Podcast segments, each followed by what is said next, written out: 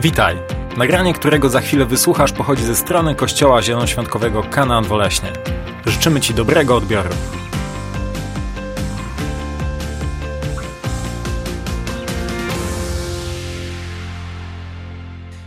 Dobrze, kochani, dużo, taki tydzień był bardzo intensywny. Od klubików dzieci, po modlitwę, po alfę dla młodzieży, po... Co my tam jeszcze mieliśmy? Po Pomaluj Świat, który trwał cały czas. E, już zapomniałem, co dalej. A, jeszcze był biwak e, Rangersów, tak? A, I dzisiaj mamy nabożeństwo uzdrowienia i później mamy spotkanie dla małżeństw. A, jeszcze mamy ślub w przyszłym, tygodniu.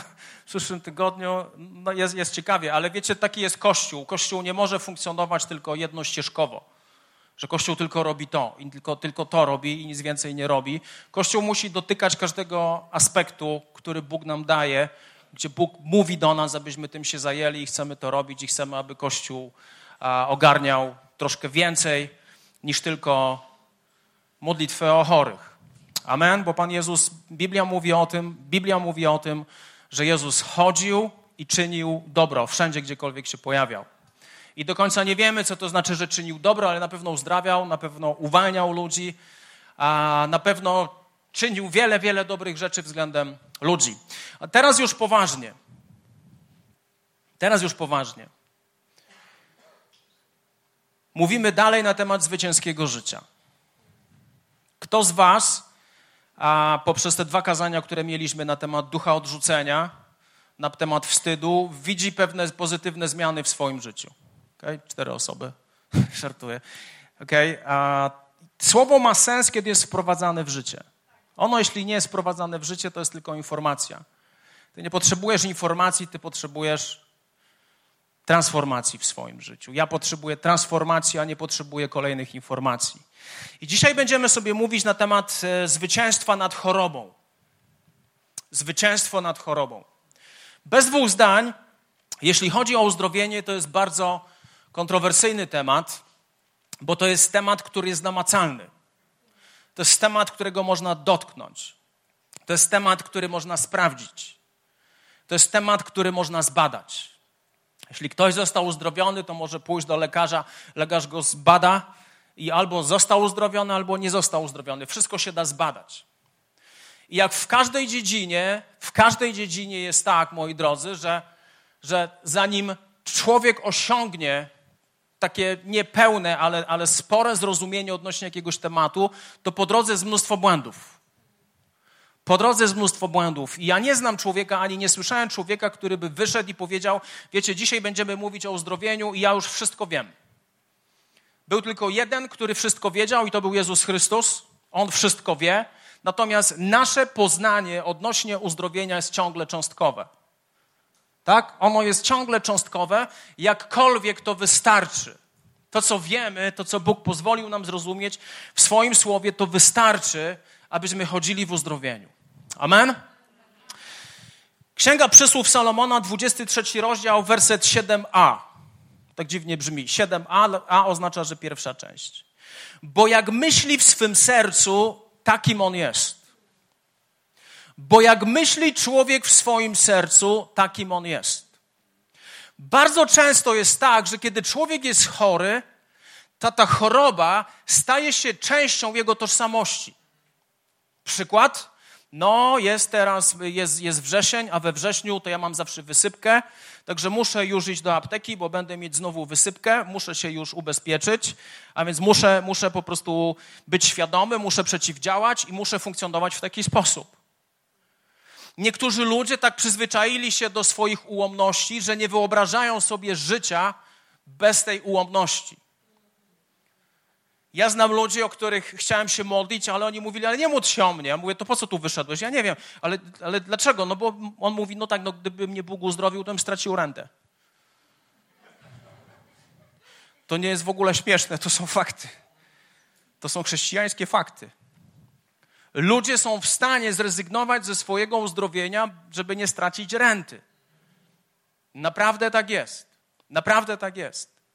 I problem polega na tym, że jeśli choroba dotyczy Twojego ciała, to jest jedno. Problem polega na, tym, na tym, że jeśli ta choroba staje się częścią Twojej tożsamości, jeśli ta choroba wypełnia Twój umysł, jeśli Ty się do niej przyzwyczaiłeś i po prostu koegzystujecie razem, to wtedy jest problem. Dlatego Salomon powiedział: To, jakim, to jakie są myśli w sercu człowieka, takim on jest. A więc możesz stać się człowiekiem, możesz stać się człowiekiem, który tak się przykleił do swojej choroby, że pierwsza rzecz, którą musisz zmienić, to jest zmienić swoje myślenie. I całe moje kazanie będzie poświęcone temu, abyś zmienił myślenie. Abyś nie wyobrażał sobie siebie chorego, ale żebyś wyobrażał sobie ciebie zdrowego. To jest potęż, potężna różnica. Potężna różnica. Możesz sobie ciągle wyobrażać siebie chorego. Wielu ludzi wyobraża sobie siebie chorego, bo to wzbudza u innych litość, smutek, współczucie, empatię.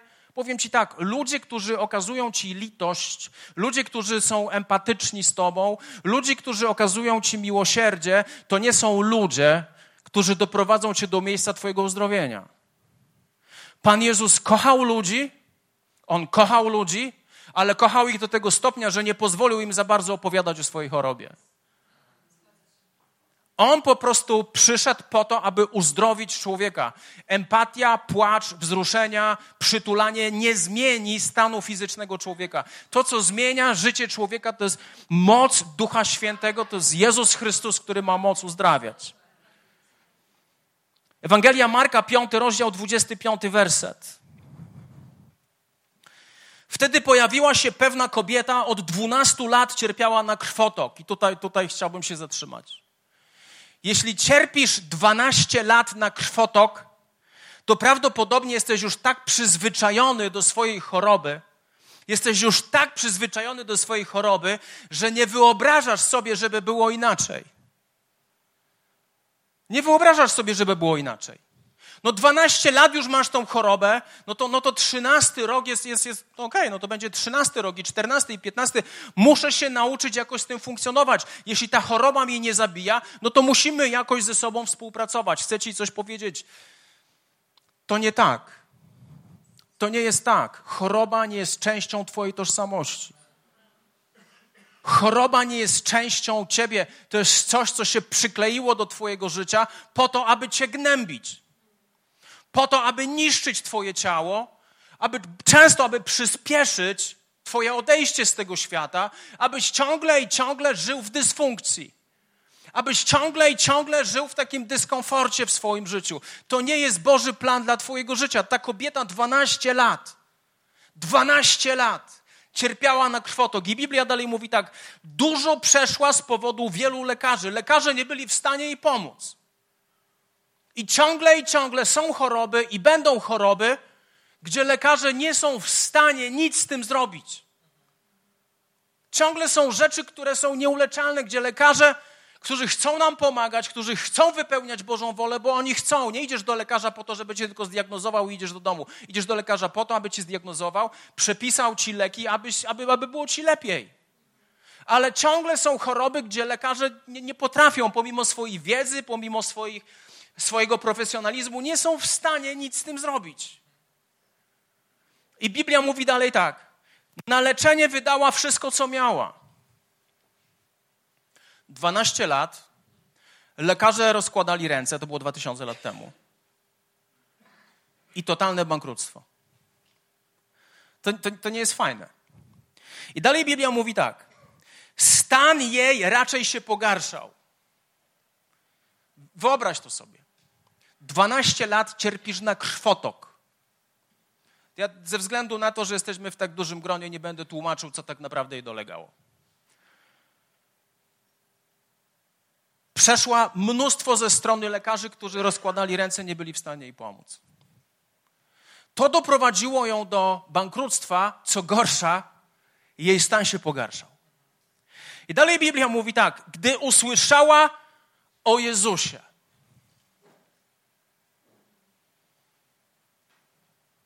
gdy usłyszała o Jezusie. Jeszcze raz to powiem. gdy usłyszała o Jezusie. Podeszła w tłumie z tyłu i dotknęła jego szaty, bo powtarzała sobie: Jeśli chcesz zmienić swoje myślenie, to o czym mówiliśmy na początku, musisz powtarzać sobie w swoim umyśle pewne rzeczy tak długo, dopóki nie odkręcisz swojego myślenia. Dopóki nie odkręcisz swojego myślenia. My żyjemy w kraju, który bardzo często gloryfikuje cierpienie. My żyjemy w kraju, który, który uważa, że Bóg zsyła choroby na ludzi. My żyjemy w kraju, który bardzo często rozkłada ręce, jeśli chodzi o nasze zdrowie. My żyjemy w takim kraju. Ale najgorsze w tym wszystkim jest to, że gloryfikujemy cierpienie. My musimy zmienić swoje myślenie. Gdyby ta kobieta powtarzała sobie, no, no tak, tak jest, no taka moja karma, no tak to jest.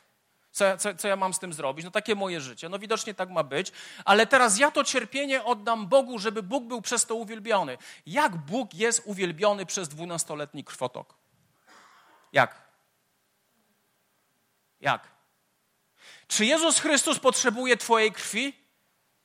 Nie. Czy Twoja krew cokolwiek zmienia? Absolutnie nie. A więc spróbowałem wejść w umysł tej kobiety, co ona musiała sobie myśleć, żeby przyjąć uzdrowienie, które było w Jezusie Chrystusie. Co ona musiała sobie myśleć? Bo zanim przyjdziesz do Jezusa po uzdrowienie, musisz wyjść do Niego z właściwym sposobem myślenia. Bo możesz wejść do Jezusa i powiedzieć, no co ty mi tu pomożesz? Możesz wejść do Jezusa i powiedzieć, ja już 12 lat wychodzę. Możesz wejść do Jezusa, no tej choroby nie, nie, nic z tym nie zrobić. Możesz wychodzić do Jezusa ciągle i ciągle i ciągle i ciągle, ale możesz mieć niewłaściwą postawę. Jezus dzisiaj chce, abyś zmienił swoje myślenie. A więc musisz mieć świadomość, kochani, świadomość, która się tyczy mnie i ciebie, że On chce uzdrawiać. On chce ciebie uzdrowić. Nie musisz się zastanawiać, nie musisz myśleć, panie, czy ty chcesz mnie uzdrowić. Nie musisz. Dlaczego nie musisz? Dlatego, że Ewangelia Mateusza, ósmy rozdział, i to jest ważne, ósmy rozdział, wersety od 1 do 4. Powiem wam, co się działo w rozdziałach od 5 do 7. Od 5 do 7 było tak zwane kazanie na górze. Fantastyczne kazanie. Po trzech wersetach wiesz, że potrzebujesz Jezusa. wiesz, że po trzech wersetach już, już potrzebujesz Jezusa i mówisz, Panie Jezu, nie mów więcej, ja potrzebuję Ciebie. I to jest potężne kazanie. To jest potężne kazanie. I od ósmego rozdziału Jezus rozpoczyna swoją publiczną służbę.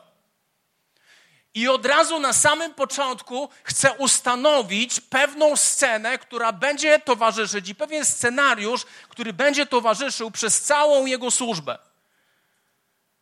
Gdy Jezus, pierwszy werset, gdy Jezus szedł z góry, ruszyły za nim rzesze ludzi.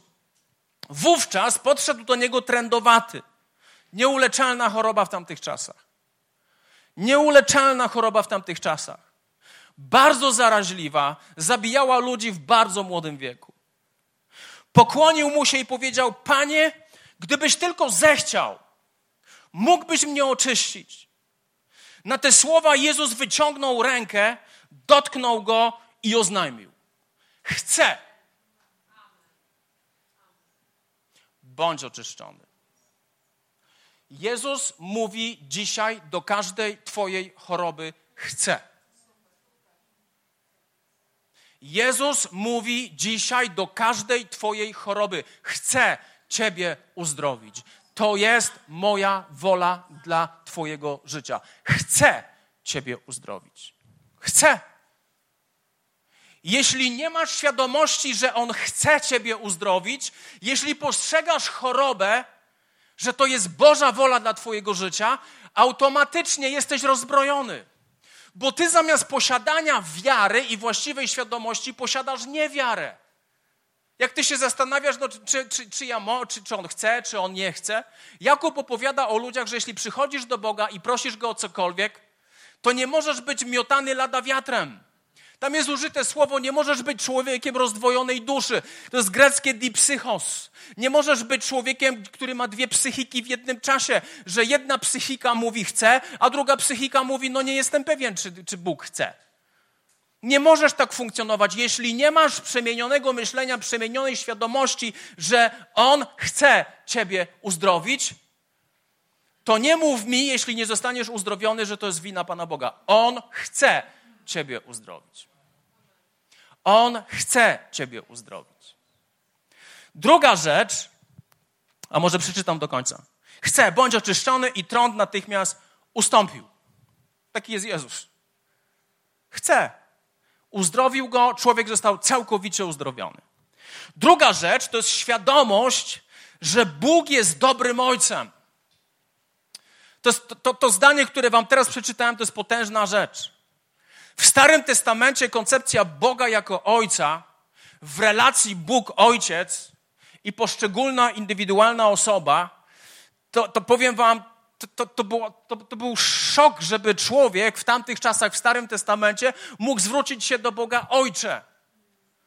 To było wspólne wołanie Izraela, Ojcze Izraela, Ojcze nasz, wspólne, ale rzadko na poziomie Bóg, pojedyncza osoba. I to, co widzimy w Nowym Testamencie, w Nowym Testamencie Jezus przynosi i wnosi nowy poziom relacji pomiędzy Bogiem a człowiekiem. Wiele razy, wiele razy używa słowa ojciec w relacji Bóg i my. Wiele razy.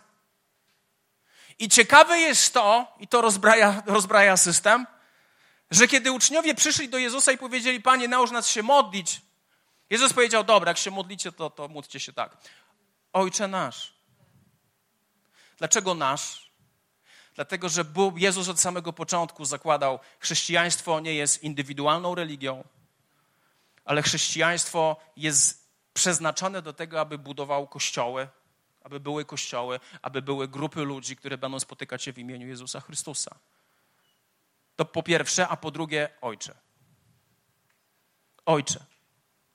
Bóg wnosi, Jezus wnosi zupełnie nowy poziom relacji. I Jezus jakby kilkukrotnie próbuje pokazać, zniżyć się, zniżyć się ze swoim sposobem komunikowania, abyśmy mogli zrozumieć.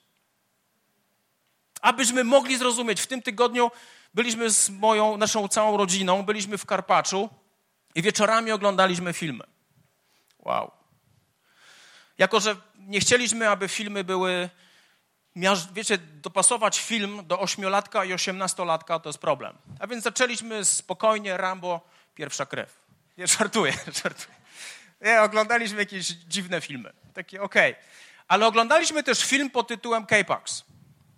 Ktoś widział kiedyś film K-Pax? To jest jeden z lepszych filmów. Jest Braveheart i później jest K-Pax, a później nie ma nic. I w tym K-Paxie oczywiście to jest fikcja. Pojawia się człowiek z innej galaktyki, z innej planety, pojawia się i zaczyna się komunikować z człowiekiem, który był psychoanalitykiem. I generalnie cały film pokazuje, że on próbuje wyrazić pewne koncepcje, których ludzie nigdy nie widzieli, i on próbuje to opisać w ludzki język, aby oni mogli to zrozumieć. Oczywiście niemożliwe. Niemożliwe. Człowiek nie mógł zrozumieć pewnych rzeczy. Dlatego, że to jest inna planeta. I teraz mamy Jezusa Chrystusa, wychodzimy z Kajpak. Mamy Jezusa Chrystusa, który przychodzi na ziemię. List do Filipian mówi o tym, że on stał się podobny ludziom. I on ludzkim językiem, ludzkim językiem próbuje wyrazić pewne prawdy Bożego Królestwa, które obserwował w niebie i widział w niebie przez niezmierzony czas. Niezmierzony czas. I w momencie, kiedy Jezus się pojawia na ziemi od piątego rozdziału, kiedy wprowadza koncepcję Boga Ojca, to pokazuje jedną rzecz. Próbuje wyjaśniać nam miłość Boga, miłość Boga względem człowieka, jako miłość Ojca do swojego dziecka. I na tej podstawie próbuje budować pewne rzeczy, abyśmy uchwycili, kim jest Bóg. Abyś zrozumiał to, że jeśli jesteś ojcem, to nigdy nie będziesz syłał chorób na swoje dzieci. Mój ośmioletni Filip, który biega tu przed nabożeństwem w tej weftę, roznosi go. Oj, Filipku, za to, że tak biegałeś, będziesz miał raka. Ale niedługo, półtorej roku. A potem cię uzdrowię. Kto normalny tak robi? Nikt. I to nam pokazuje drugą świadomość, że On jest dobrym ojcem i przejdziemy do psalmu 103, niesamowity psalm, gdzie psalmista modli się, modli się tak, błogosław duszo moja Pana i nie zapominaj o żadnym Jego dobrodziejstwie. O jakim dobrodziejstwie mówi psalmista? Po pierwsze, to On przebacza wszystkie Twoje winy. Po drugie, On leczy wszystkie Twoje choroby. Po trzecie, On wykupuje od zguby Twoje życie. Biblia mówi dalej tak. On Cię wieńczy łaską i współczuciem. Nie masz od Boga sądu, potępienia, oskarżenia, ale masz łaskę i współczucie.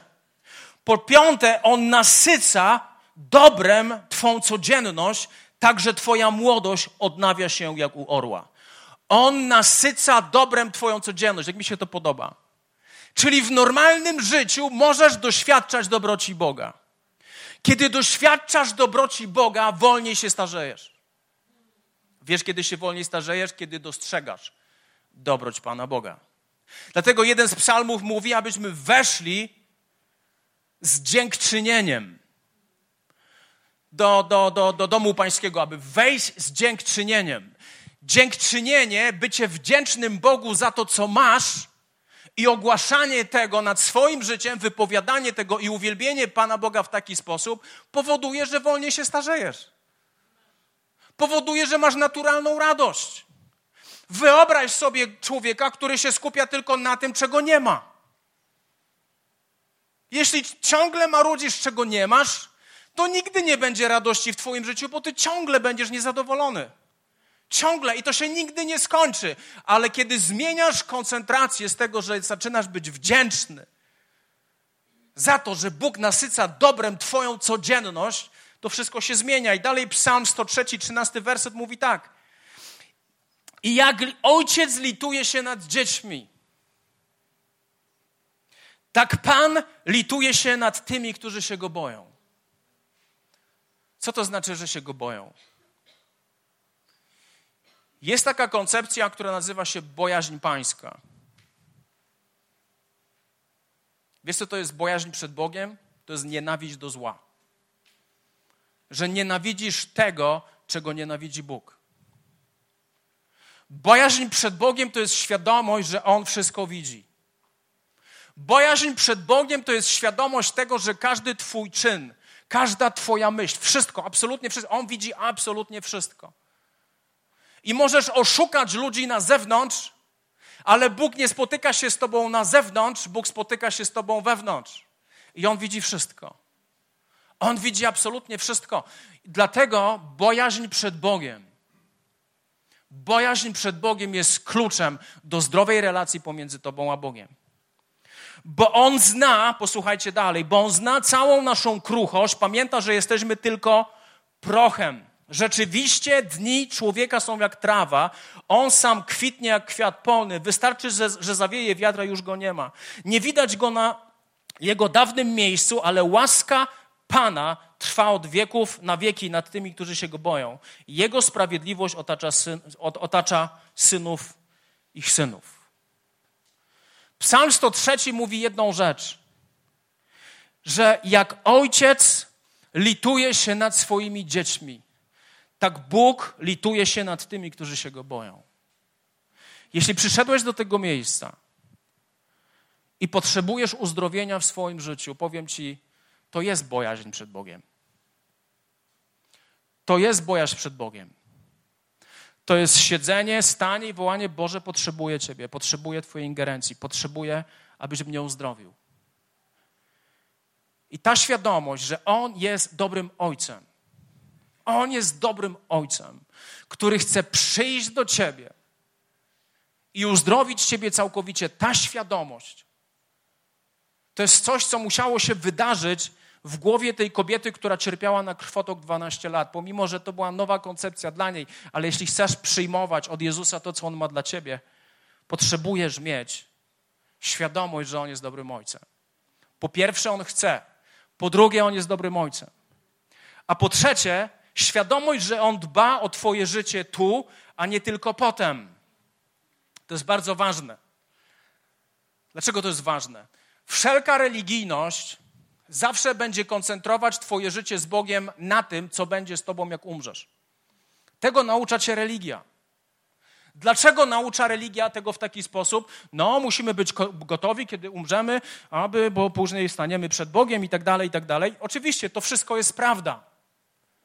Ale powiem Ci, jeśli ktoś ma 12 lat i ma przed sobą 70 lat, to tak czekać 70 lat na to i słuchać na kazaniach tydzień w tydzień, tydzień w tydzień, tydzień w tydzień o tym, że kiedyś spotkasz się z Bogiem. Kolejna niedziela, o, pamiętaj, spotkasz się kiedyś z Bogiem, uważaj na swoje uczynki. Kolejny tydzień, o, pamiętaj, spotkasz.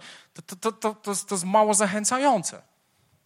Ja wiem, to jest dobra nowina, że ja spotkam się z Bogiem, że żyję w totalnym bezpieczeństwie. Ale to, że ja jestem zbawiony i mogę być tego pewny tutaj na ziemi, to ja chcę odkryć, do czego zostałem stworzony. I zauważcie jedną rzecz. Ewangelia Jana 10, rozdział 10, werset. Posłuchaj. Jezus koncentruje się na Twoim poniedziałku. Jezus koncentruje się na Twoim wtorku, Jezus koncentruje się na Twojej środzie, Jezus koncentruje się na Twoim czwartku, Jezus koncentruje się na Twoim piątku, kiedy Ty już jesteś szczęśliwy, bo jest weekend, Jezus koncentruje się na Twojej sobocie i niedzieli. Jezus jest zainteresowany Twoją codziennością. Jezus chce, abyś Ty tutaj na ziemi prowadził życie, które będzie pełne satysfakcji w Twoim życiu. Ewangelia Jana, 10 rozdział, 10 werset. Złodziej przychodzi przychodzi tylko po to, aby kraść, zarzynać i, i niszczyć. Ja przyszedłem, aby owce miały życie i to życie w całej pełni. Jezus nie mówi, kiedy umrą. Moment spotkania się z Jezusem Chrystusem, moment, kiedy poddajesz swoje życie Jezusowi Chrystusowi, to jest moment, kiedy uruchamia się proces odkrywania tego w Twoim sercu, w Twoim duchu, jakkolwiek to nazwiemy, odkrywania tego, do czego zostałeś stworzony. Kiedy odnajdujesz to, do czego zostałeś stworzony, stajesz się najszczęśliwszy na świecie. Stajesz się najszczęśliwszy na świecie i nie ma tutaj ani jednej osoby, która urodziła się bez powodu. Jezus jest zainteresowany Twoim życiem tu i teraz. Jezus dokonał też wielu, 21 rozdział Jana, 25 werset, Jezus dokonał też wielu innych rzeczy, a gdyby je spisać jedną po drugiej, myślę, że cały świat nie pomieściłby ksiąg pisanych na ten temat. To jest ciekawa rzecz, którą napisał Jan na końcu swojej Ewangelii. Gdyby Jezus nie chciał, abyśmy my koncentrowali się tutaj na naszym, w nas, na, na, nad naszym życiem, tutaj, teraz, kiedy żyjemy, to by głosił tylko to, że będzie piekło, będzie niebo. Oczywiście on o tym mówił. I tylko mamy na tym się skupić, tego się trzymać i jakoś dobiec do końca, abyśmy nie popełnili błędu i w końcu wylądować w niebie. Wiecie, Jezus tak nie funkcjonował. Jezus tak nie funkcjonował. Jezus pokazał nam pewien wzór. On dokonał tylu rzeczy, będąc na ziemi przez 3,5 roku, kiedy służył, że Jan powiedział, księgi tego świata by tego nie pomieściły. I teraz nowość, to, to jest rewelacja, Rick Renner policzył, że we wszystkich Ewangeliach mamy spisane tylko 53 dni. A więc my nie mamy opisanych 3,5 lat Pana Jezusa. My mamy opisane 53 dni Pana Jezusa i niektóre rzeczy, niektóre rzeczy mogły się wydarzyć w ciągu jednego dnia, tylko rzeczy w ciągu jednego dnia, co de facto, kiedy to policzymy, mamy opisane w Ewangeliach od 23 do 27 dni. Nieźle, powiem. Jak my dzisiaj mówimy o Jezusie, a jemu to zabrało 23-27 dni, abyśmy my dzisiaj o nim mówili. Powiem tak, nieźle. No, naprawdę Jezus może wszystko. Naprawdę Jezus może wszystko. Czterech ewangelistów opisało 23 do 27 dni, kiedy Jezus działał wśród ludzi. Ale On nam dał pewien wzór. Kiedy Jezus mówił o naśladowaniu Jego, powiedział: Ja chcę, abyście robili dokładnie to samo, co ja. Co więcej, będziecie czynić większe rzeczy niż ja. Czwarta rzecz. Świadomość, że On nie syła chorób na ludzi. Jeśli myślisz, że choroby, które ty przechodzisz, to jest Boża wola, to nie idź do lekarza, bo idąc do lekarza sprzeciwiasz się Bożej woli. Amen? Proste? No jeśli chorobę zesłał ci Bóg, no to, to, to nie sprzeciwiaj się Bożej woli. Nie sprzeciwiaj się Bożej woli. Nie idź do lekarza. Bez sensu. Bóg nie syła chorób. Bóg jako dobry ojciec nie syła chorób na ludzi. Bez sensu. Bez sensu. Wszyscy słyszeliśmy o tragedii w Tatrach, prawda? W czwartek. Dramat. Najpierw dwóch grotołazów ugrzęzło w jaskini, zaangażowane mnóstwo ludzi, aby ich uratować. A później w czwartek jest sytuacja, która, która po prostu mnie ścięła z nóg. I wielu ludzi myśli, że Bóg to zrobił. Wielu ludzi myśli, że Bóg to zrobił. Kto uciszył burzę w Ewangeliach? Kto uciszył burzę? Jezus uciszył burzę. Wielu ludzi myśli, że Bóg Ojciec zesłał burzę, a Pan Jezus mówi: No nie, ojcze, nie, nie tym razem, nie tym razem, wybacz, ale teraz się sprzeciwię Twojej woli i zgromię tą burzę. Czy my myślimy, że dobry ojciec daje swojego syna po to, aby zbawić człowieka, a jak go nie zbawia, to pozbywa się go na giewoncie? To, to, to jest chore myślenie. My obwiniamy Boga o pewne rzeczy, z którymi On nie ma nic wspólnego. Jeśli masz niewłaściwy obraz Boga, jeśli masz niewłaściwy obraz Boga, nie będziesz mógł przyjąć od Niego rzeczy, ponieważ to jest największy wyraz niewiary, jeśli przypisujesz Bogu rzeczy, z którymi On nic nie ma wspólnego. Amen. Ewangelia Jana 6,38. Stąpiłem bowiem z nieba nie po to, aby spełniać swoją wolę, ale wolę tego, który mnie posłał. Co Jezus zrobił na ziemi? Pomalował malował świat? Nie. Prowadził klubik dla dzieci? Nie. Jezus uzdrawiał ludzi, uwalniał ludzi i głosił Boże Królestwo. I głosił nadzieję i szansę na przemianę życia. To był Jezus. To był Jezus i to jest wolą Ojca, aby ludzie byli świadomi, że to, co się dzieje na ziemi, to nie jest koniec. To, co się dzieje dzisiaj w Twoim życiu, że to nie jest koniec. Że diagnoza nad Twoim życiem to nie jest koniec. List Jakuba, pierwszy rozdział, szesnasty werset. Nie dajcie się zwieść, moi kochani bracia. Jakub mówi, nie dajcie się zwieść. Ale o co chodzi? Całe dobro, którym można obdarzyć, i wszelki doskonały dar pochodzą z góry od Ojca Światłości. W nim nie ma żadnej zmienności ani cienia odmiany. Dlatego Jakub, kiedy mówi, nie dajcie się zwieść, bracia. Dlaczego? Bo wielu ludzi ciągle myśli, że zło, że choroby, dramaty, że to jest coś, co syła Bóg na ludzi. Diabeł jest bardzo sprytny. On uwielbia czynić pewne rzeczy, a później obwiniać Boga za te rzeczy. Jeśli to się nie zmieni w Twoim myśleniu, jeśli to nie zmieniłoby się w myśleniu tej kobiety, która cierpiała 12 lat nad krwotok, to ona by szła do Jezusa i mówiła sobie: No, ty nam nie zesłałeś ten krwotok, ale proszę zmień zdanie. Ale zmień zdanie i uzdrów mnie. Ona nie myślała w taki sposób. Ona wiedziała, że ta choroba nie ma nic wspólnego z Jezusem. Ona nie ma nic wspólnego z Jezusem. Piąta rzecz. Świadomość, że On czyni cuda i uzdrowienia. Jaka jest różnica między cudem a uzdrowieniem? Cud jest taki, że uzdrowienie dokonuje się bach, tu i teraz. To jest cud. Natychmiast. Natomiast uzdrowienie to jest proces. Uzdrowienie to jest proces.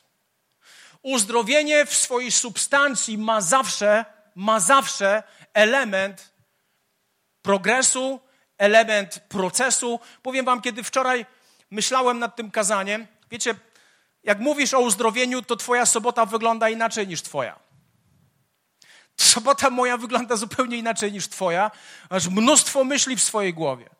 I kiedy siadałem do tego kazania i przygotowywałem to kazanie, moje myśli nagle przez przypadek powędrowały do pewnego kaznodziei, który mówił na temat uzdrowienia. I kiedy on skończył mówić na temat uzdrowienia, to powiedział: A teraz obejrzyjmy historię pewnej kobiety i posłuchajmy historii jej uzdrowienia. Więc ja tak po prostu usiadłem, no to okej. Okay. No i zaczyna się tak. Nazywam się Elis. Byłam chora na stwardnienie rozsiane. I już wiesz, że Bóg chce coś powiedzieć do ciebie. I już wiesz, że sytuacja się zmienia. A więc oglądam tą historię, oglądam tą historię, oglądam tą historię i tak jakbyś oglądał siebie. Jakbyś oglądał siebie. Ona nawet miała dokładnie zaatakowaną tą część ciała, czyli lewą część ciała, dokładnie tak jak ja. I oglądasz tą historię, mówi, jakby ci ktoś puścił film o, o, o, o tobie. Po prostu oglądasz to i, i, i pff, masz łzy w oczach, kiedy to wszystko oglądasz. I ona powiedziała taką jedną rzecz. Moje uzdrowienie było procesem. To nie był cud, to był proces. Wiele razy Bóg dotykał mojego życia, ale ja po chwili traciłam moje uzdrowienie, bo nie rozumiałam pewnych rzeczy. Nie miałam świadomości pewnych rzeczy. Właściwa świadomość, mój drogi, jest taka, że uzdrowienie bardzo często jest procesem. Nie jest cud, to się dzieje od razu. Natomiast uzdrowienie bardzo często jest procesem. Nawet Jezus tak funkcjonował. Ewangelia Łukasza, 17 rozdział, werset 11. Gdy tak podążał do Jerozolimy, przechodził środkiem Samarii i Galilei. W pewnej wiosce wyszło mu naprzeciw dziesięciu trędowatych. Stanęli oni z daleka i zaczęli wołać: Jezusie, mistrzu, zlituj się nad nami. Gdy Jezus ich zobaczył, polecił im: Idźcie i pokażcie się kapłanom. A kiedy oni szli, zostali oczyszczeni. I to powiem, powiem ci, że w tym wersecie jest więcej głębi niż ci się wydaje. Dlatego, że kiedy zaczynasz chorować na cokolwiek, jeśli lekarze rozkładają ręce, pierwsza osoba, do której masz przyjść, to jest Jezus. Jezus, kiedy będziesz go słuchał, bo Jezus chce ci mówić, co masz robić w tej chorobie. Jezus chce cię prowadzić przez tą chorobę, nie jesteś sam. Jezus jest z tobą. On chce cię przeprowadzić, abyś odniósł zwycięstwo. I tutaj jest, to, to jest ciekawe, że ci trendowaci przyszli do Jezusa, oni przyszli do Jezusa, a Jezus im powiedział: idźcie, pokażcie się kapłanom. Co to oznaczało? Kapłani w tamtym czasie opowiadali, oni, oni stwierdzali, czy człowiek jest uzdrowiony, czy nie jest uzdrowiony. Kiedy przełożymy to na język współczesny, idźcie do lekarza, idźcie do lekarza, idź pokaż się lekarzowi. I teraz sobie wyobraź, ty jesteś trądowaty, wszystko ci odpada. I Jezus mówi do ciebie: idź i pokaż się kapłanowi. No, no pójdę, no, no i co? Pójdę i powiem co? Jestem zdrowy. A kapłan powie człowieku, gdzie ty jesteś zdrowy? Gdzie ty jesteś zdrowy? Masz mnóstwo wrzodów na swoim ciele. We współczesnym świecie wyglądałoby to tak, jakby ci Jezus powiedział: idź do lekarza i się zbadaj, Niech on stwierdzi, czy jesteś zdrowy. Przychodzisz do lekarza chory, przychodzisz do lekarza chory, lekarz cię, a lekarz cię ma zbadać. Było to wyzwanie? Było to wyzwanie. Na maksa. Ale kiedy oni byli posłuszni temu, co Jezus im powiedział, Biblia mówi o tym tak. A gdy oni szli, kiedy oni szli, gdzie oni szli? Do kapłanów. To wtedy zostali oczyszczeni. Cały Nowy Testament pokazuje nam jedną rzecz. Ludzie zawsze chcieli, aby uzdrowienie dokonało się w taki sposób, jak oni tego chcą. Jakkolwiek Jezus rzadko kiedy uzdrawiał ludzi w taki sam sposób. Robił rzeczy szalone. Kiedy przyszedłeś do Niego i powiedziałeś, Panie Jezu, przyjdź i połóż na Niego ręce, to tak naprawdę wiedziałeś, że Jezus zrobi zupełnie inaczej. Albo napluje Mu w oczy, albo zrobi jakieś inne dziwne rzeczy, których Ty nie masz świadomości. Dlaczego tak jest? To również pokazuje nam konkretną rzecz. Jezus Chrystus podchodzi do Twojego życia w totalnie indywidualny sposób. Jezus Chrystus podchodzi do Twojego uzdrowienia w totalnie indywidualny sposób. On chce Cię prowadzić w Twoim, w swoim, w Twoim uzdrowieniu. On chce Cię prowadzić. I powiem, powiem Ci, że wielu ludzi, wielu ludzi zapomina o tym, funkcjonuje w taki sposób, pomodlono się o mnie, nic się nie stało. Jak ktoś tylko pomodlił się o Twoje uzdrowienie, pewne mechanizmy zostały uruchomione w Bożym Królestwie. Kolejna rzecz, jak się o ciebie ludzie pomodlą, to masz zadać Jezusowi pytanie: Jezu, co dalej? I będziesz w szoku, jak Jezus jest zainteresowany tym, aby mówić ci, co masz zrobić dalej. Musisz z nim współpracować. Musisz z nim współpracować. Kolejna rzecz. Świadomość, że on chce szalom dla całego ciebie. No to zabrzmiało bardzo górnolotnie. A kiedy, kiedy Żydzi się witają w taki sposób i mówią szalom, to my sobie to interpretujemy jako pokój. Tak? Pokój. Natomiast hebrajskie słowo szalom oznacza całkowite zdrowie w każdej sferze Twojego życia. Całkowite zdrowie w każdej sferze Twojego życia. Co to oznacza, kiedy, kiedy mówi do ciebie ktoś szalom, to życzy ci zbawienia, kiedy ktoś mówi szalom, to w kontekście Twojej duszy mówi o, o, uwolnieniu Twojej duszy. I kiedy mówi szalom odnośnie Twojego ciała, to mówi o uzdrowieniu. To jest szalom. I Bóg jest zainteresowany szalom. Bóg nie jest Bogiem, który chce tylko dotknąć jednej trzeciej Twojego życia. Bóg jest Bogiem, który chce dotknąć całego Ciebie. To jest Jego szalom. Izajasza 53 rozdział, werset to jest, to jest rozdział, który mówi o, o przyjściu sługi pańskiego, czyli o Jezusie Chrystusie 700 lat przed tym, zanim Jezus się pojawił. Werset czwarty mówi tak, tymczasem On wziął na siebie nasze choroby. Dotyczy, dotyczy to naszego ciała. On wziął choroby, dźwigał nasze cierpienia.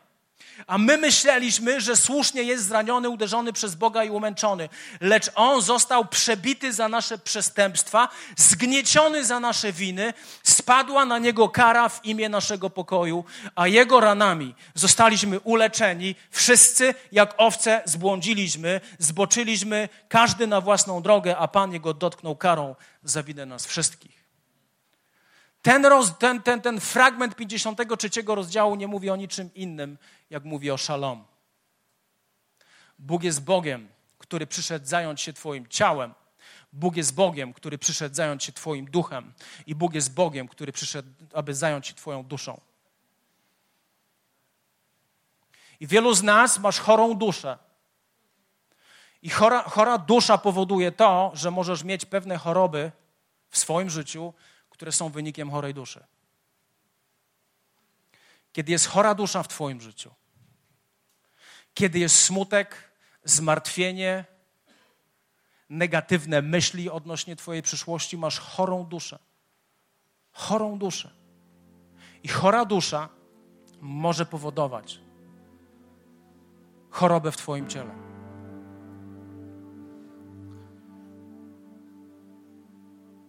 I ostatnia świadomość.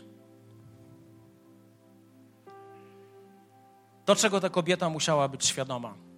12 lat cierpiała na krwotok.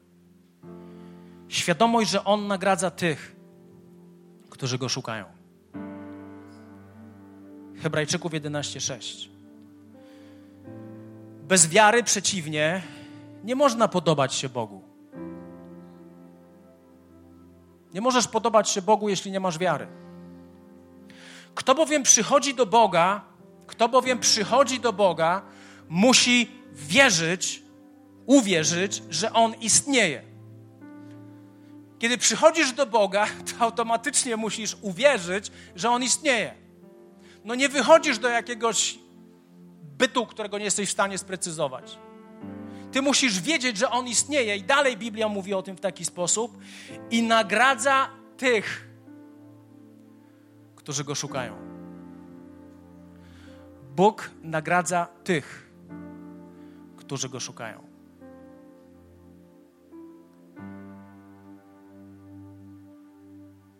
To nie jest tak, że wielu ludzi jest nieuzdrowionych, bo Bóg nie chce ich uzdrowić. Jest wielu ludzi, którzy podchodzą do tego po swojemu. Że ty masz plan, jak Bóg ma cię, ciebie uzdrowić. Powiem wam, jak ja chorowałem 10 lat temu. Nie, nic się nie wydarzyło tak, jak ja bym sobie to zamierzył. Nie, absolutnie nic. I wielu ludzi nie zostało uzdrowionych tak, jak oni myśleli. Nawet patrzysz na Nowy Testament i widzisz, że ludzie nie zostali uzdrowieni tak, jak oni tego chcieli, dlatego że Jezus wnosił zupełnie coś innego. On wnosił zupełnie coś innego. Zupełnie inny plan niż ty miałeś. Jeśli przychodzisz do Boga, musisz wierzyć, że On istnieje.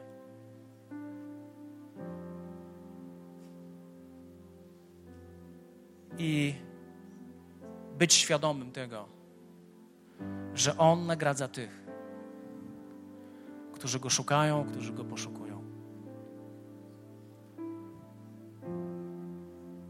I za chwilę będziemy się modlić. Za chwilę będziemy się modlić o nasze choroby.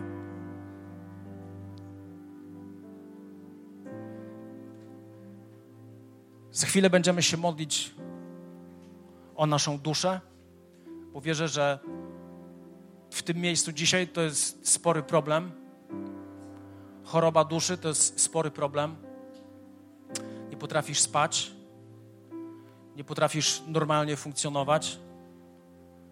Tak naprawdę często wolałbyś chorobę niż stan Twojej duszy, który masz, niż stan w Twoim umyśle, który masz. I będziemy się modlić również o to, abyś mógł być dzisiaj, wyjść stąd jako zbawiony człowiek, jeśli jeszcze nigdy nie oddajesz swojego życia Jezusowi. Uzdrowienie nie jest celem samym w sobie. Zbawienie jest celem samym w sobie. Ale uzdrowienie jest czymś, co również wydarzyło się na krzyżu. I to, co my za chwilę będziemy robić, to chcemy skorzystać z tego, co Jezus Chrystus dla nas zrobił.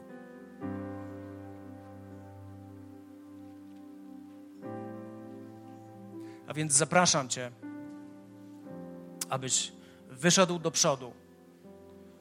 Jeśli masz jakąś dolegliwość swojego ciała, jeśli masz jakąś dolegliwość swojej duszy, zapraszam Cię do przodu, abyśmy mogli się modlić o Ciebie. Możesz już wyjść. Chciałbym się modlić o Ciebie.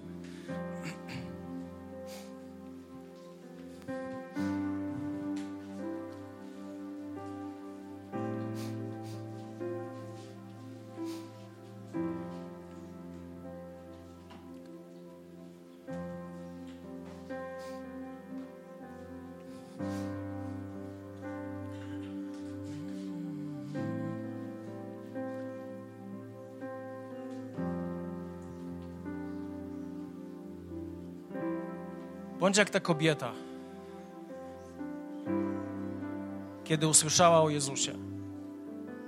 Kiedy usłyszała o Jezusie. I pomyślała sobie, gdybym tylko dotknęła Jego szaty. Ty nie przychodzisz dzisiaj do jakiegoś uzdrowiciela, ty przychodzisz dzisiaj do Jezusa. Ty przychodzisz dzisiaj do Jezusa, aby On dotknął dzisiaj Twojego życia. Amen. Jeśli jesteś w tym miejscu i jeszcze nigdy w życiu nie poddałeś swojego życia Jezusowi Chrystusowi, nie było takiego momentu w Twoim życiu, że powiedziałeś, Boże, ja potrzebuję Ciebie, ja potrzebuję, abyś mnie zbawił. Może nie masz pewności zbawienia, to, to nie jest normalny stan. Bóg nie chce, abyś nie miał pewności zbawienia. Bóg chce przyjść do Ciebie i wprowadzić największe zdrowie, jakie jest w stanie Ci przynieść, kiedy jesteś człowiekiem zbawionym. Kiedy żyjesz w wolności od strachu przed śmiercią, kiedy żyjesz w wolności przed, od strachu przed przyszłością. Jeśli jeszcze nigdy nie oddałeś swojego życia Chrystusowi, to chciałbym, abyśmy pomodlili się teraz. Abyśmy teraz pomodlili się o to, aby abyś poddał swoje życie.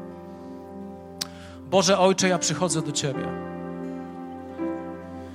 Abyś całkowicie oczyścił moje życie. Przebacz mi każdy mój grzech.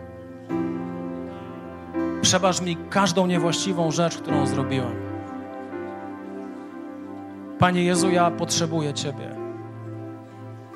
I zapraszam Cię do mojego życia. I wyznaję swoimi ustami, że Jezus Chrystus jest moim Panem. Witaj ponownie. Dziękujemy za wysłuchanie tego nagrania i mamy nadzieję, że pomoże Ci ono zbliżyć się do Boga. Jeśli dziś podejmujesz decyzję o zaufaniu Jezusowi i uznaniu Go Twoim Zbawicielem, to chcemy Ci pogratulować.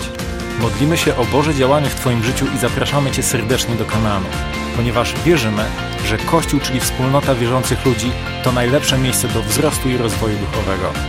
Szczegóły dotyczące naszych spotkań znajdziesz na stronie www.kanan.pl oraz w naszych mediach społecznościowych.